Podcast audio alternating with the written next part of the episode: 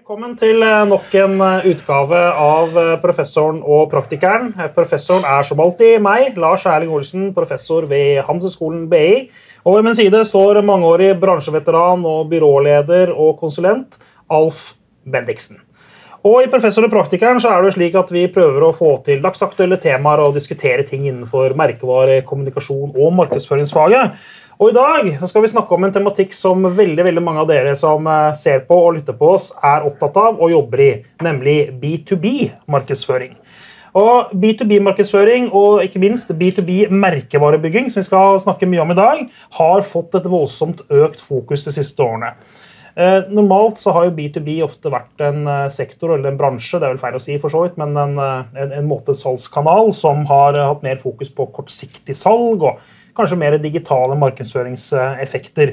Men nå så ser vi en økende tendens til også at disse som har denne type kunder, begynner å bruke teknikker, tankesett, virkemidler som er mer kjent fra B2C-markedsføring og mer ordinær merkevarebygging. I dag så har vi invitert Tina Rødal å komme og snakke med oss om nettopp det. Så velkommen til oss. Takk for det. Vi gleder oss til å høre dine innsikter om B2B-markedsføring og ikke minst om merkevarebygging. Og Tina, dette har jo du fulgt i ganske mange år, og denne utviklingen har jo vært som jeg beskrev, vært under endring.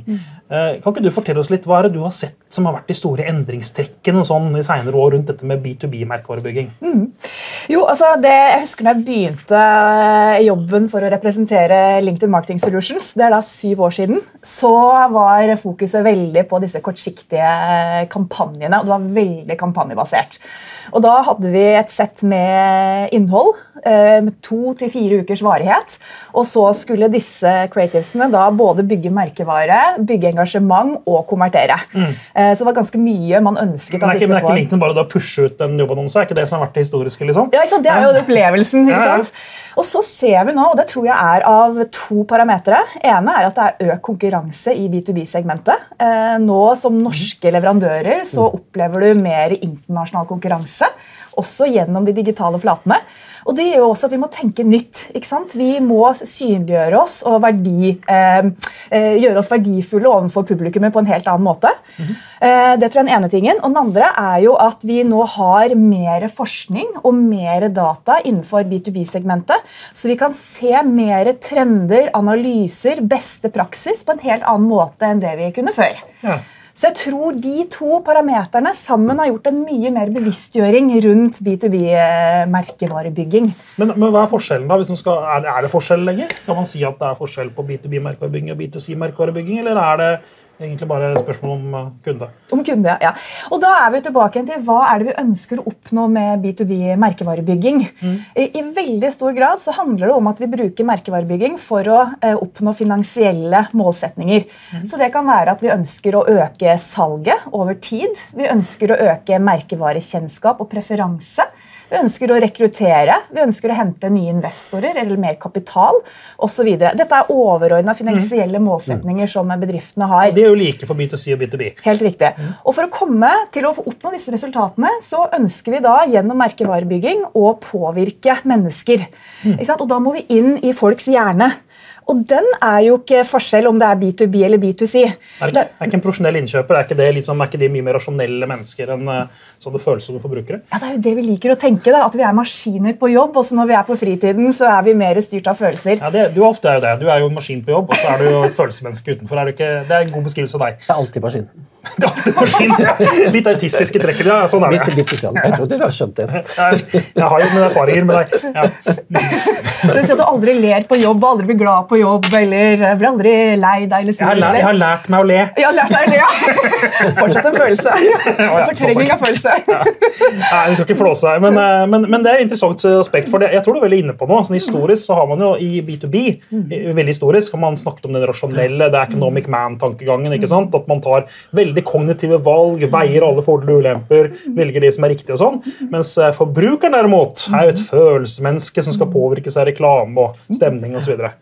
Og dette mener du er i endring, eller er det Dette kan vi dokumentere, og- og endring. Det har vel aldri vært der heller. Nei, vi liker å tro det. Men vi har jo også sett med merkevarer som jobber med emosjonell kommunikasjon for å fange oppmerksomhet og klare å posisjonere merkevaren sin som interessant og relevant. Eh, Så der har vi jo en del eksempler der vi kan faktisk dokumentere eh, at vi er styrt av følelser også på arbeidsplass. Da må du fortelle noen eksempler. Ja, En jeg kommer sånn raskt på, da, det er, og dette er en svensk eh, aktør som heter Sandvik. Som ønsket da å posisjonere merkevaren sin, eh, få synlighet, men også skape relevans i målgruppene sine. Og dette er jo, eh, De opererer globalt. Ikke sant? Så det Oppfattelsen av merkevaren må jo være lik, både internt og eksternt. Så hvordan kan vi få til det her når vi også jobber internasjonalt? Eh, og det Sandvik gjør, det er at de utvikler eh, på det fagspråket duppeditter eh, i proteser. Ja, sånn, ja. Eh, og mer spesifikt klarer jeg ikke å gå inn på det, for da har jeg ikke den tekniske kompetansen. Men det de ønsket da, det var jo å synliggjøre eh, life-changing innovations. Det var en assosiasjon de ønsket å bygge rundt merkevaren sin. Ja, ja. Og hva betyr det? Jo, de tar tak i da enkeltindivider eh, og hvordan de øker menneskers kvalitet i livet gjennom da proteser og gjennom sin teknologi. Og da hadde de sett med kommunikasjon og kampanjer som viser disse enkeltindividene og hvordan de sammen med eh, Sandvik får et bedre liv. Mm. Og det vi så da, når den ble kjørt opp på LinkedIn, det var et, et voldsomt engasjement. Og kanskje også like viktig, som vi ikke ofte prater om, det er det internstoltheten. Ja. Menneskene i organisasjonen som nå faktisk hjelper andre mennesker. Og det har en kjempeviktig misjon. For til syvende og sist så kjøper vi jo ikke produkter og tjenester, men vi kjøper ofte løsninger på problemer. Ja, ja? Så hva er det gapet der ute er som vår organisasjon kan eh, bidra Men til? det er jo interessant, fordi det er jo ikke den som får protesten, som velger hvor de skal kjøpe protesten. Men de fokuserte på, å si, pasienten. da. Ikke sant? Og så var jo tilbakemeldingen til Sandvik også fra brukerne at ah, nå ser vi Sandvik. Vi har sett Sandvik-logoen, nå vet vi hva det er. Så det ble jo også plutselig en, en pull fra markedet. Ikke sant? Er er logoen på produktet nå? Ja. Jeg mener, altså, det var et tøysespørsmål. Ja, ja, ja, Er- Er logoen ja. på protesten? Ja, ja, ikke sant? Da, For det var ikke sant? to. Ja, ja. Men det er bevisstgjøring. Hvilken ikke hofte sant? skal jeg ha? Den Ja. Sandvik eller eh, den Har ikke andre? en bilde? Ja, ja. Nei, men det er jo altså eh, Jeg holder på med en bedrift nå som som Kjøperen av produktet er bedrifter. Brukeren av produktet er som du sier da, eh, sånne som oss. Mm. Og så er spørsmålet hvem skal vi snakke til? Skal vi drive B2B, eller skal vi drive B2C? eller hva skal vi gjøre? Og jeg har sagt, eh, Kan du ikke gjøre begge deler, da? Det er helt riktig. Ja. Og det kan vi også dokumentere på, på LinkedIn. at Skal vi bygge merkevare, så må vi tenke langsiktighet, og så må vi gå bredt ut. Og vi må jobbe med dekning. Og da er jo tilbake igjen til det første spørsmålet ditt. Hva er endringen? Fra å bare se på det kortsiktige med raske resultater, ikke sant? Hva, synliggjøre at når vi har brukt eh, 200 000 på markedsføring, så har vi fått disse resultatene. Mm. det har nå gått vekk over til å begynne mer dekning. Ikke sant? Um, McDonald's er store fordi de selger mye til mange. Og sånn også B2B-merkevarene tenker. at Skal vi klare å vokse, eh, ta en best mulig pris ut i markedet, være konkurransedyktige og stå gjennom når markedet endrer, så må vi bygge dekninger for å modne nye målgrupper hele tiden. Men er ikke dette det du sier noe litt sånn kontrært i forhold til mye praksis i B2B-salg? Mm. Altså dette her med å bygge lange relasjoner, Mm. eh, ikke sant? kunden, eh, pleie kunden, gode Mm. Kunder, lojale kunder. Nå sier du nå at nei, nei, vi må selge mye til mange. Ja, ikke sant? Er Det er, men det er ikke veldig forskjellig. Altså, det er, altså, fra den tradisjonelle måten å gå inn i dette på. Mm. Og da er vi tilbake til hva skal merkevarebygging gjøre. Mm. Merkevarebygging skal ikke bare være å øke salget. Merkevarebygging er hva bedriften er innad og eh, utad. Mm. felles. Men målet er vel salg i det lange løp. eh, Kan være. Ja. Eh, det kan være å rekruttere de beste hodene. jo som igjen skal gi salg. Ikke sant? Ja, salg, men også bedre produkter. Ja, ja, Okay. Eh, hvis- Som igjen gir salg. så, ja? Ja, ja, og det er tilbake til hvordan får vi bedrifter til å eh, overleve. Ja, jeg er enig at det er noen steg på veien, men målet er jo eh, økonomisk lønnsomhet og, og på sikt. da. Utfordringen tror jeg, i måten vi ser på merkevarebygging, det er at det er for tett linka med salg. Og selgerne er mest opptatt av det som skjer her og nå. Ikke sant? Jeg tror det er veldig få selgere som er opptatt og bekymret over salg om tre år. Ikke sant? Eh, Men så Det er derfor jeg tror også merkevarefokuset og faget bør løfte høyere opp. Og i hvert fall når merkevare er ikke bare i salg- og markedsavdelingen. Det er på HR, det er på de som jobber mot investorene, de som jobber mot media. Så det må legges opp på ledergruppene. Bli enige om hva skal vår merkevare være, som dekker av behovet i markedet. Og så må det forankres ned. Og det blir veldig rart å bygge en merkevare der vi har en annen opplevelse internt enn eksternt. Ikke sant? Da får vi en veldig heterogen eh, og schizofren merkevare. Så det er de røde trådene da, gjennom organisasjonen. er Men det, men det er en ting som jeg tenker når du snakker nå, det er at uh, innenfor B2C så er jo målet penetrasjon, altså å få nye kunder. For det er sammenheng mellom uh, antall kunder og gjenkjøp og lojalitet. Mens uh, bedrifter som jeg kjenner innenfor B2B, de har veldig fokus på sine eksisterende kunder og selger mer til dem. Mm. Det var litt det jeg prøvde å Ja. Og spørre, ja, foreslå. ja. For å lede inn. Ja, okay. Men det vi ser gjennom, og dette Og er da da trenger de ikke bygge merkevare, sier de. eh, Ja, ikke sant. Ja. Eh, og da, det, det, det, det de sier. Det bygger ikke merkevare, men vi bygger kunder. Kundeverdi, kundelojalitet. ikke? Så, så det er en annen, et annet språk, men det er jo egentlig det samme. Ja. Det vi ser, eh, Dette er en forskningsrapport som ble gjort av LinkedIn, der de spurte 2500 markedssjefere eh, for å eh, finne ut hva er det markedsføringen kan bidra med. Hva er viktig for å skape langsiktig vekst. Og Da var det tre parametere som, eh, som kom fram. Det ene er skal du overleve og skape langsiktig vekst, så må du bygge merkevare. Det vil si at du skal modne nye målgrupper hele tiden. og Du skal skape et behov, og du skal posisjonere merkevaren din som det naturlige valget når en kjøpsbeslutningsprosess starter og skal avsluttes. Så nummer to, vi må rekruttere nye kunder hele tiden. Ikke sant? Da vokser vi. Og så er det tredje, ja, Vi skal jo beholde kundene våre og gjerne selge mer til eksisterende kunder. For vi ser at det koster mindre enn det det gjør å modne nye målgrupper. Så da øker vi profitten. Men vi klarer ikke å vokse som en merkevare ved å bare fokusere på eksisterende kunder. Og det gjør oss kjempesårbare i forhold til konkurranse. Plutselig kommer det nye produkter som er bedre, billigere osv. Så, det her er jo de tre tingene som vi må jobbe med i forhold til markedsføring mm, og merkevarebygging. Så vi må ha tre tanker i hodet. Gode, gode poenger der. Men, men du, du tegner jo et bilde nå som, som er lett å like og lett å forstå og lett å akseptere. på en måte, at ja, det er åpenbart, og Jeg kan tenke meg at mange som lytter etter, sitter og nikker nå. Jeg er liksom, ok, åpenbart, du sier nå. Men er verden slik? Altså, Hvordan er, hvordan er ståa blant norske B2B-markedssjefer? Tenker de sånn som du nå beskriver, eller hva, hvordan er verden? Hva ser det ut? Ja, og sånn har ikke jeg, kjenner jeg ikke alle markedssjefene i landet. det så jeg kan bare. Ja, men jeg kan referere til de samtalene som vi er i og har vært i. Så ser vi at kompetansen er der, men presset på markedssjefen for å levere kortsiktige resultater er ganske høy. Ja. Og jeg tror kompetansen på ledergrupper og i styrerommene er for dårlig i forhold til hva merkevarebygging kan bidra med. Say, ja. ja. og det er jo her jeg mener vi som bransje må brette opp armene og komme opp i ringene for å prate et annet språk. Jeg tror det er vanskelig å overbevise administrerende direktør og ledergruppene hvis vi prater om attributter og konverteringer. Vi må prate om langsiktige investeringer. Hva kan vi oppnå av finansielle resultater, og hvordan måler vi? Ikke sant? Men da må vi snakke business. Da Da må vi ikke snakke business. om sånne kjedelige kopier som ingen skjønner nå. Du må snakke om butikk, så CFO-en er med Ikke og forstår at dette er viktig. ikke sant? Ikke sant? Og jeg tror hvis markedsføringsfaget kan være samkjørt med finans, så vil vi få til mye mye bedre eh, resultater. Fordi at en finansdirektør forstår investeringer, men forstå risikoen. Og det er en kjemperisiko hvis vi bare fokuserer på kortsiktige resultater. For det, og Særlig i B2B-sammenheng, der det er gjerne et økosystem av beslutningstagere og påvirkere som skal være ene, eh, enige om at vår merkevare er den- det beste og naturlige valget. Så det tar tid.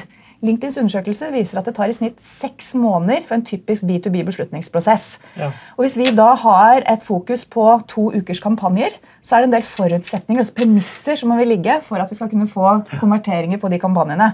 Det vil si at én, det er et behov i markedet. Alle som er involvert i kjøpsbeslutningsprosessen, kjenner til oss og er enige om at merkevaren vår er det naturlige og reelle valget. Og tre, de er nå klare for å ta en beslutning. Ja, nettopp. Og det ser vi er altfor mange tilfeldigheter. Kanskje allerede når vi kommer til det steget, så ville denne gruppe mennesker kanskje kommet uansett. Så konsekvensen ved å jobbe bare kortsiktig, det er jo at vi bruker penger på folk som kanskje hadde kommet uansett. Det ja. Men, men gå tilbake til det du sa om um, at ledergrupper og CFO-er og CEO-er ikke kan dette her. Um, hvorfor får ikke markedssjefen til det å lære dem dette her, da? Hva, altså, Er ikke markedssjefen modig nok, eller? Ja, ikke sant? Vet du hva? Jeg, det er en opplæringsjobb, da.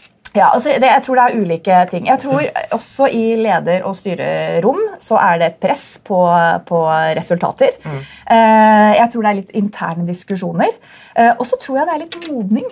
På lik linje som vi modner nye målgrupper i markeder, så tror jeg også vi må modne styrerommene og ledergruppene på hva er det faktisk merkevarebyggende aktiviteter kan bidra med. Mm. Um, og også at, og særlig store selskaper, at vi ikke segmenterer basert på avdelinger, at vi får disse silotankegangene. Og da er vi tilbake til noe som er kultur. Mm. Hvordan skal vi få nå de ulike avdelingene til å samarbeide og enes om at dette er oss? Dette er DNA-et i vår organisasjon. Mm. Men det er interessant, da, for Jeg spurte deg i stad om det hadde noe godt eksempel, og da kom du med et svensknett. Ja. Uh, og Det er litt talende på en måte at var, vi måtte til Sverige for å finne et godt eksempel. For, for er det veldig mange norske selskaper B2B-skap som får dette til? Altså Vi har hatt tidligere på, som gjest i denne podkasten her, mm. så hadde vi Nebosha fra Power Office. Mm. Og, Det er et godt eksempel på en sånn B2B-case. og, og egentlig veldig sånn klassisk med en reklamefilm som er veldig eh, forbrukerorientert. egentlig sånn fra for gammelt av. Eh, ja, for gammelt av, men altså, ja, Sånn som det ville gjort hvis det var B2C. da, mer. Eh, men det er ikke så lett å finne så veldig mange andre eksempler i Norge. Jo, altså Jeg vet om flere eksempler. Ja. Tilbake til Hva er det vi ønsker å oppnå med merkevarebyggende aktiviteter? Hva vil vi oppnå? Eh, og ofte stor grad igjen påvirke et mindset. Eh, for å tenne en liten aktør eller mindre aktør, Grønn punkt, som ønsket å eh, vise fram eh, plastløftet. Hvordan kan vi nå få flere bedrifter til å være bevisste på å sortere plast? Mm. Og har kjørt da en ganske god kommunikasjonsplattform på hvordan vi kan hjelpe og påvirke, og hva du faktisk kan bidra med ved at vi sorterer plast. Det behøver ikke å være så komplisert. Men jeg skrev et innlegg på kampanjen for en tid tilbake som jeg fikk mye kjeft for. Der jeg skrev hvorfor er det så få sterke B2B-merkevarer mm. i Norge. Jeg mente ikke med det å si at de ikke finnes, mm. men at det ikke er så mange. Mm. Men det du sier nå, det er at det er ikke så veldig mange sterke B2B-markedssjefer.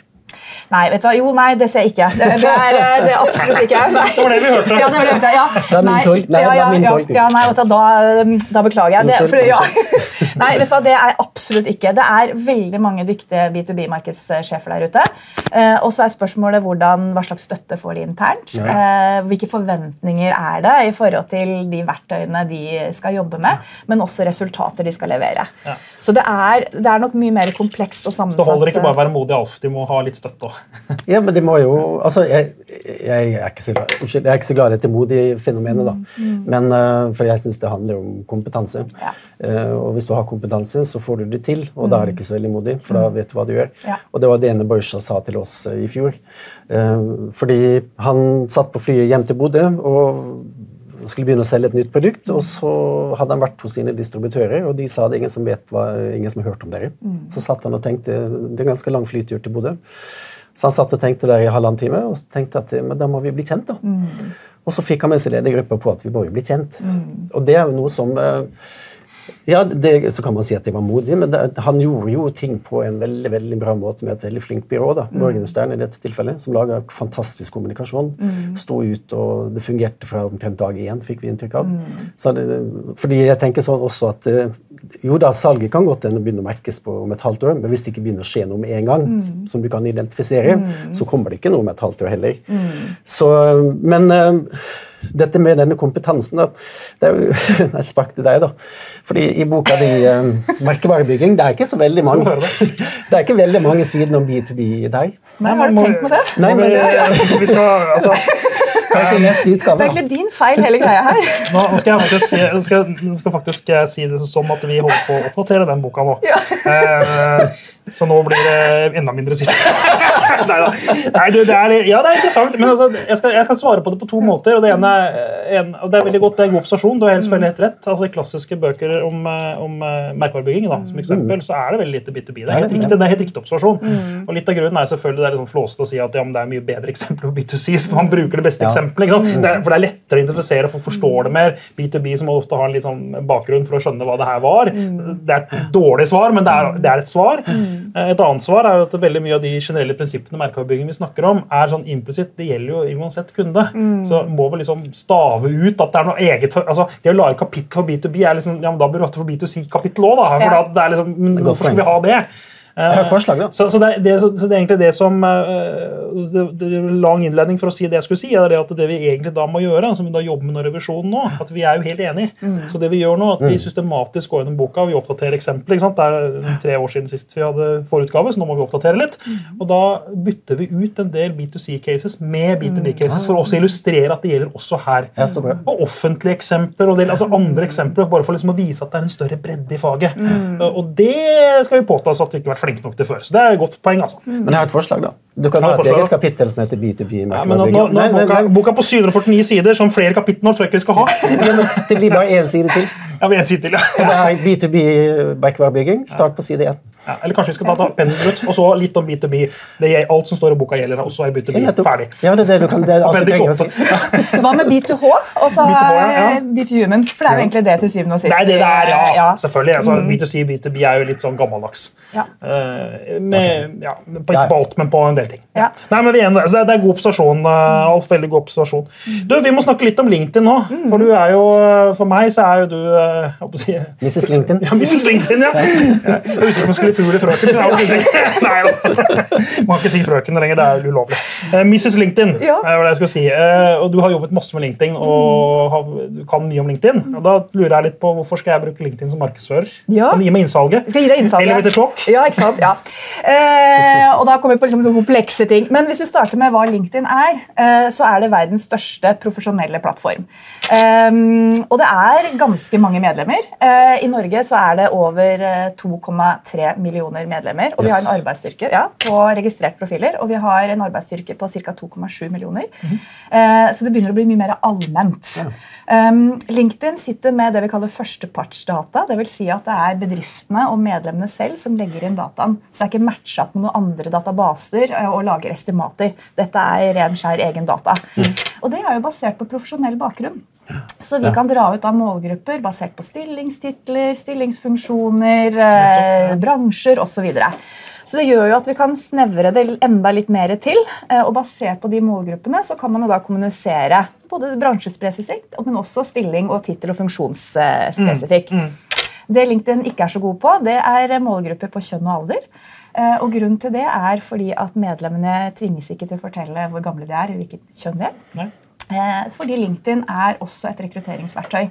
Og LinkedIn vil ikke være med å bidra for å diskriminere kjønn og Nei, selvfølgelig. Det er godt poeng, det.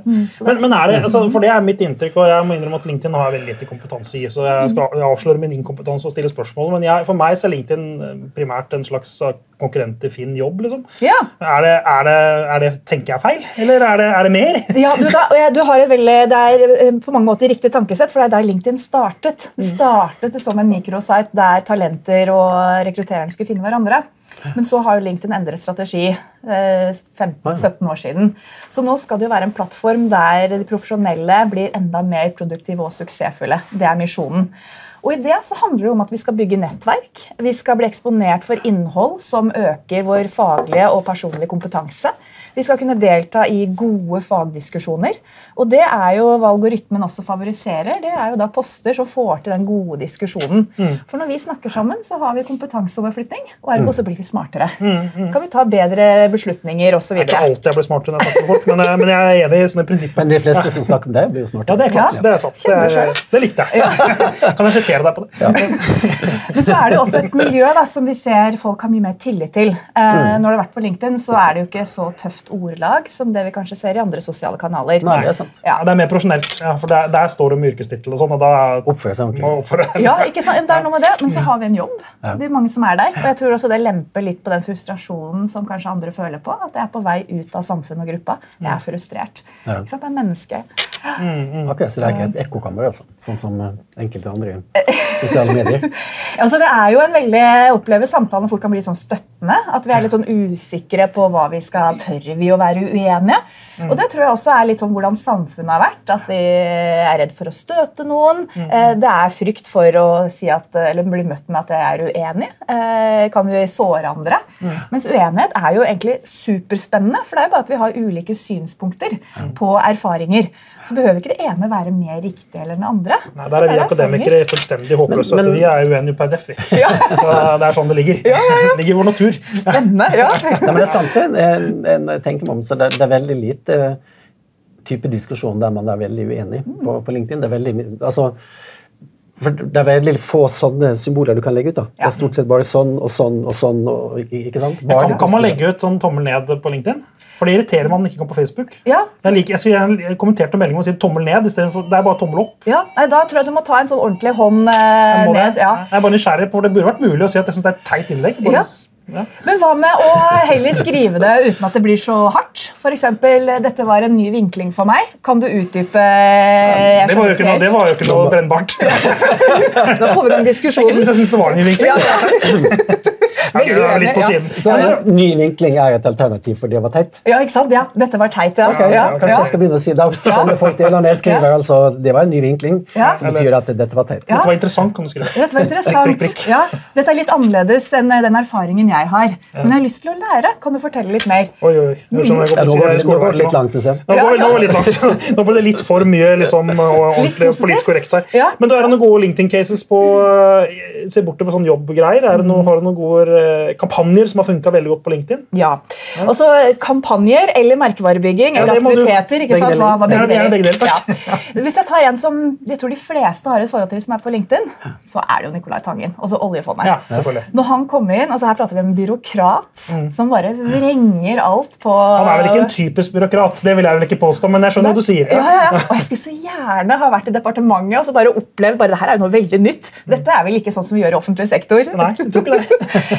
Men det vi også ser er at det har blitt mye mer synlighet og snakk rundt oljefondet, både som en arbeidsplass. Mm. Og det de også sier, er at du får jo flere forespørsler og henvendelser i forhold til eh, stillinger. Eh, men også mer oppmerksomhet på hva er det oljefondet faktisk gjør. Ikke sant? Mm. Hva er mandatet deres? Eh, vi som innbyggere i Norge er jo eiere av oljefondet, og vi eier jo?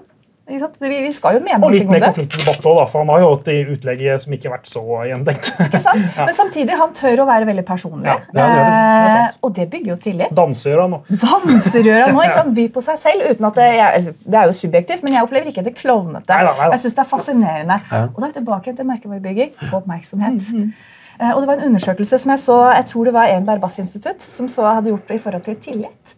Eh, og at vi har mer tillit til ledere i selskaper enn det vi har til medier og politikere. Ok. Og det er tilbake til Vi trenger jo tillit for å overleve som selskap. Mm. Klarer vi å få mer ledere til å vise hvem de er, personligheten, som også forankres ned i organisasjonen, ikke sant? hvem skal vi være, Mm. så kan det være en positiv boost. Ja, Kan være. Mm. Men det var ett eksempel, det, og det kan ikke jeg gjenta. det som han har gjort, For jeg kan ikke danse på LinkedIn. Nei, Men han, du kan, men det vil ikke bli like bra, det- selvfølgelig. Nei, det vil Kanskje jeg har fått oppmerksomhet? ja, ikke, ja, men det er ikke sikkert jeg vil ha den typen oppmerksomhet. du huska for det. ja. Nei, jeg liker bare å danse til én sang, og det er You Never Can Tell med Chuck Berry. Den, eh, den er kul. Ja. Så den får meg ut på dansegulvet, og det er stort sett den eneste. Men den hører jeg jo aldri, da. Da vet dere det. Ja. møter. Er det avslutningsvignetten nå? Men, men eh, det er jo noen sånne vi kaller for mer seriøse case, eh, mer reklame- eller kommunikasjonscase. da, Type Mersk i Danmark, som jeg syns har gjort veldig mye bra. Med og et co-reklamebyrå og Leif Johnsen som leder. Det er jo veldig bra. Ikke sant? Mm. Sånne har vi ikke så mange av her i landet. Eh, vi eh, nå kjenner ikke jeg så godt til den, og da er tilbake til hva ønsker vi? Blir vi veldig spesifikke på kampanjer, eller er liksom totaliteten, Hva ønsker vi å oppnå i de aktivitetene vi gjør? Og det er jo her vi også oppfordrer til langsiktighet. Vi skal jo påvirke dette mindsettet i en merkevarebyggende øyemed. Um, så da er vi tilbake igjen til bedriftens DNA. Jeg tenker S-banken er jo et godt uh, eksempel på å ønske å posisjonere Absolutt. seg som tech-savvy og ha veldig god kundesupport. Ja. Det er jo det vi ønsker å koble opp med en gang vi tenker på S-banken.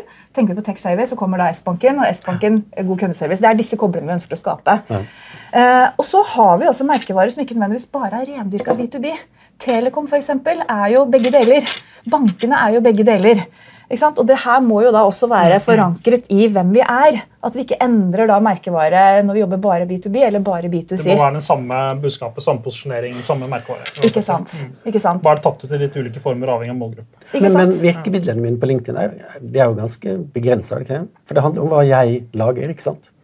Det kan det være, men det er jo eh, hvordan vi skal spre innholdet. Og da er det både gjennom betalt annonsering, men også organiske aktiviteter, altså gratisaktivitetene, som kan være bedriftssiden. Kan du si litt om det? Både organisk og det å kjøpe seg spredning? Ja, det kan vi gjøre. Hvis vi begynner med første steg, da, eh, som bedriftene gjør, er jo å opprette det vi kaller en LinkedIn-page, også en bedriftsside på LinkedIn. Eh, og så ønsker vi da at folk skal følge den og gi verdi. Vi bruker LinkedIn for å lære mer. Og jeg tror Hvis du skal klare å bygge opp en god og solid bedriftsside på LinkedIn, så er det lurt å dele innhold som ikke bare omhandler en selv, men synliggjør kompetansen Igjen, Vi kjøper løsninger på problemer. Hvilken kompetanse er det bedriften har for å løse problemene i markedet? Mm -hmm. Og Det er vinklingen. Og At vi da ikke bare deler innhold som vi produserer selv, men gjerne eksterne mm, kilder. Ting, ja. Ikke sant? Og så ønsker vi å skape diskusjoner. Mm. Hva er erfaringer? Hva syns du? Hva mener du? Eh, hvilke, ja, ikke sant? Det, for å få til gang diskusjonene. Det var en interessant vinkel. kanskje da. Ja. Jeg har lært det. Ikke sant? Og så har vi jo alle ansatte som jobber i en bedrift. Det er bedriftens viktigste ambassadører. Igjen merkevarebygging. Det de sier, er jo bedriften. Mm. Eh, og det ser vi også at ansatte har ofte ti ganger flere relevante forbindelser i sine nettverk sammenlignet med bedriftssiden. Ja. Så kan vi få i gang de ansatte, så kan vi få en helt annen spredning. Men vi bygger også mye mer tillit fordi vi tror mer på folk enn logoer. Mm. Mm. Så det her må jo henge sammen. Og da er vi tilbake til den helhetlige plattformen som må ligge i ledergruppa. Så er det sånn at Hvis vi bare jobber organisk, så eh, begrenser det i tilgang på data. Men også vi kan ikke garantere at vi treffer de målgruppene vi ønsker å treffe. Og Da må vi kjøpe synlighet gjennom da betalt annonsering. Mm, mm. Og Da får vi tilgang på helt annen datagrunnlag, som gjør at vi kan følge med på hvordan er det vi modner målgrupper, eh, og hvordan skal vi ta det videre. Og når bør vi sette opp da det vi kaller konverteringspunkter, altså for å få de til å gjøre en ønsket handling. Okay. Så hvis, bare, bare ta meg da, som et eksempel, så skriver jeg en post på LinkedIn. Ja. Vi la ut en, at vi hadde liksom 30 000 nedlastninger i fjor. Mm -hmm. Og den er det 5500 som har lest. Som ja. jeg synes er ganske mye. Men hvis jeg skal komme opp i 50 000, da, kan jeg mhm. kjøpe meg spredning? Ikke som medlem. Nei, da må det være bedrift? Ja, da må okay. det være bedrift. Så da er det Filleren, ja, jeg vet. Jeg vet. Ja. Jeg tror fikse. Ja. Lage aksjonsgruppe. Ja, en aksjonsgruppe, ja, det kan vi gjøre. Det aksjonsgruppe. Ja. Jeg skal lage, ok. Det, ja, det syns jeg var uh, veldig bra, Tina. Jeg har lært litt i dag. Hva har du lært, Alf? Jeg har lært at jeg ikke skal skrive, skrive at jeg er uenig. Jeg skal skrive at uh, det var en interessant vinkling, og så ser jo ikke noen at jeg sitter sånn. Men, uh, men jeg gjør jo det, da. Ja, og så tenker jeg at Det er jo et marked for å skrive en B2B-merkevarebok, skjønner jeg. En egen bok bare om det. Ja, det er bare én side. Og det er les boka til Lars. Nei, nei, du, du, har ikke skjønt det kommersielle. Du må i hvert fall klare 100. Okay. Så du kan selge for en pris. Det er bare masse eksempler. Masse eksempler. Tusen takk for at eh, du stilte opp. Og takk til deg også som eh, så på. Eh, husk at dere må følge oss på den Spotify eller hva dere må bruke som plattform for å følge ulike podkaster, eller se oss på Kampanje TV. Og Neste uke er vi tilbake med en ny episode. Så vel møtt og vel lyttet igjen.